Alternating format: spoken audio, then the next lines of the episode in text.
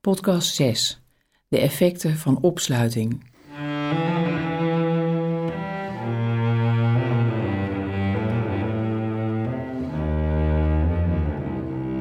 In deze aflevering van deze podcastserie over verzetstrijders en jezuïeten Robert Regoe en Rupert Mayer klinken stemmen uit de gevangenis en het concentratiekamp. Hoe hielden zij daar stand? En hoe kan het dat Robert Mayer in die misère vreugde vindt? Het is 1937 als Rupert Mayer voor het eerst wordt opgepakt. De reden? Hij had zich niet aan een spreekverbod gehouden en in het openbaar een nazi-hetze tegen de kerk aan de kaak gesteld. Robert Regoe werd in juli 1940 opgesloten nadat hij had gepubliceerd over de rechten en plichten van een bezetter en hierover door het land lezingen gaf.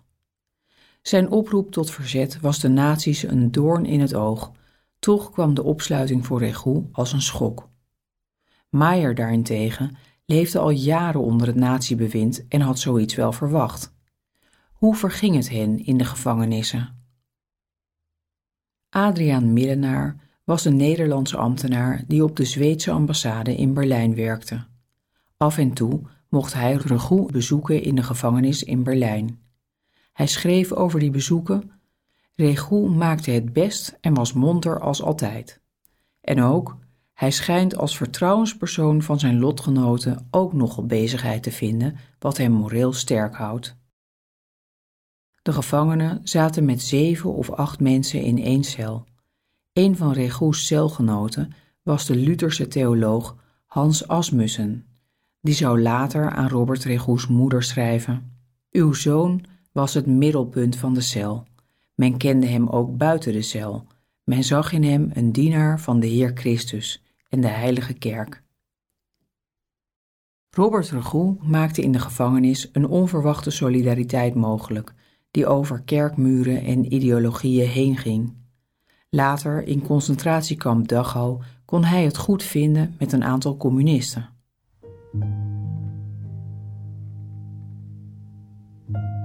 Heb ik het wel eens meegemaakt dat ik in een moeilijke omstandigheid die ik deelde met collega's, familie of vrienden een betere verstandhouding kreeg?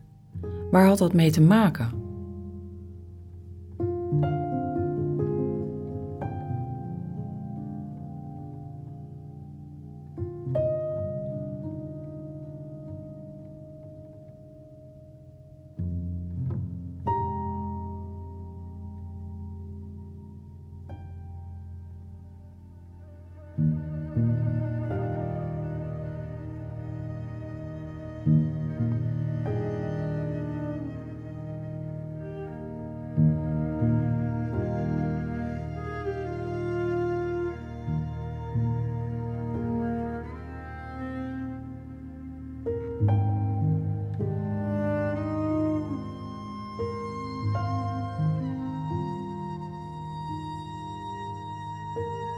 In sommige situaties denk ik misschien vooral aan overleven en ontsnappen.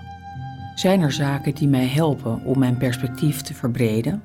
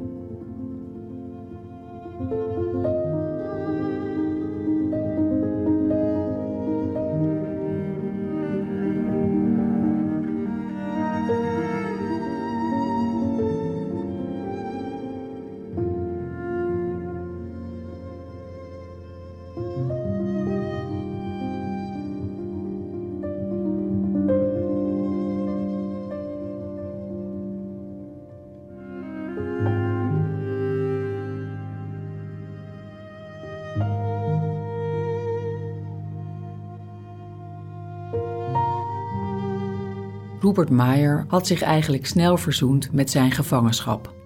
Wellicht dat zijn zelf gecomponeerde gebed, dat we eerder hoorden, daarbij hielp.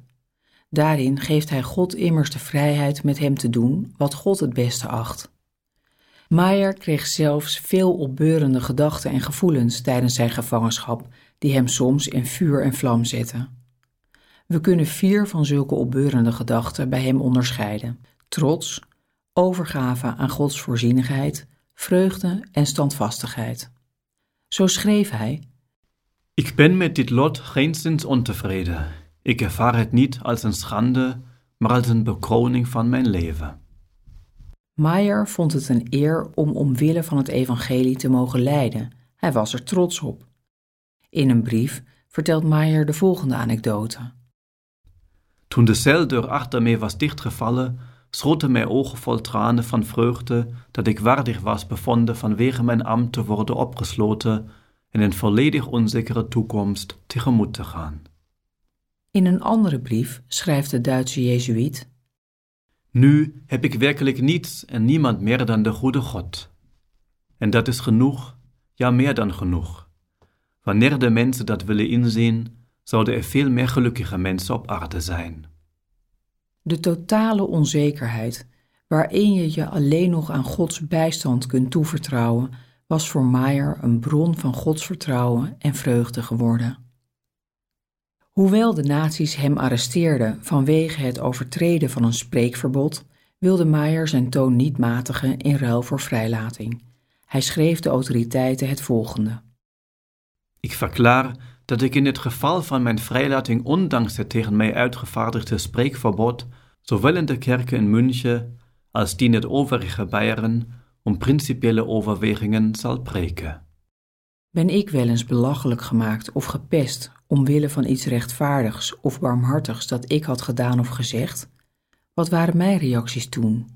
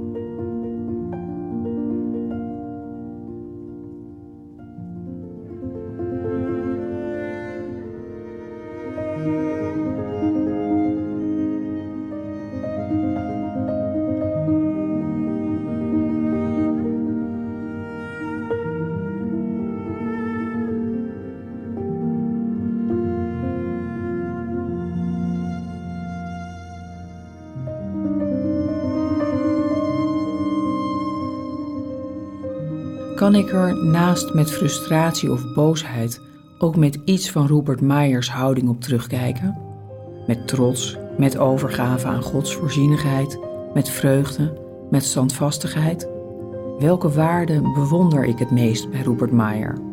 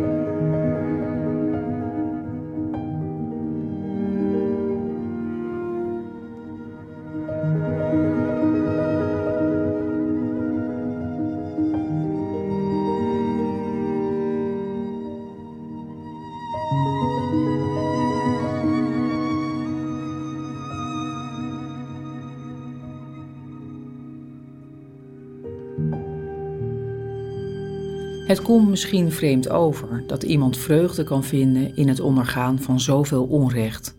Toch getuigen verschillende mensen in uiteenlopende omstandigheden, tijden en plaatsen hiervan. In handelingen lezen we daar al over. nadat de eerste christenen zijn gearresteerd, berecht en bedreigd door de Joodse autoriteiten. De apostelen verlieten het Sanhedrin, verheugd dat ze waardig bevonden waren deze vernedering te ondergaan omwille van de naam van Jezus. Verbazingwekkend is de veerkracht van de mens. In moeilijke omstandigheden kan men plots nieuwe bronnen van steun aanboren. Bij Robert Regoe en Rupert Meyer bracht dat onder andere onverstoorbaarheid, liefdevolle aandacht voor anderen, blijheid en godsvertrouwen met zich mee. Ze konden te midden van grote duisternis een bron van licht worden.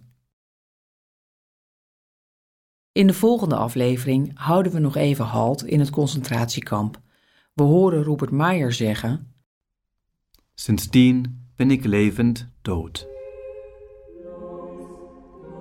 Je zou het misschien niet verwachten, maar hij schrijft deze woorden op het moment dat hij het concentratiekamp al verlaten heeft.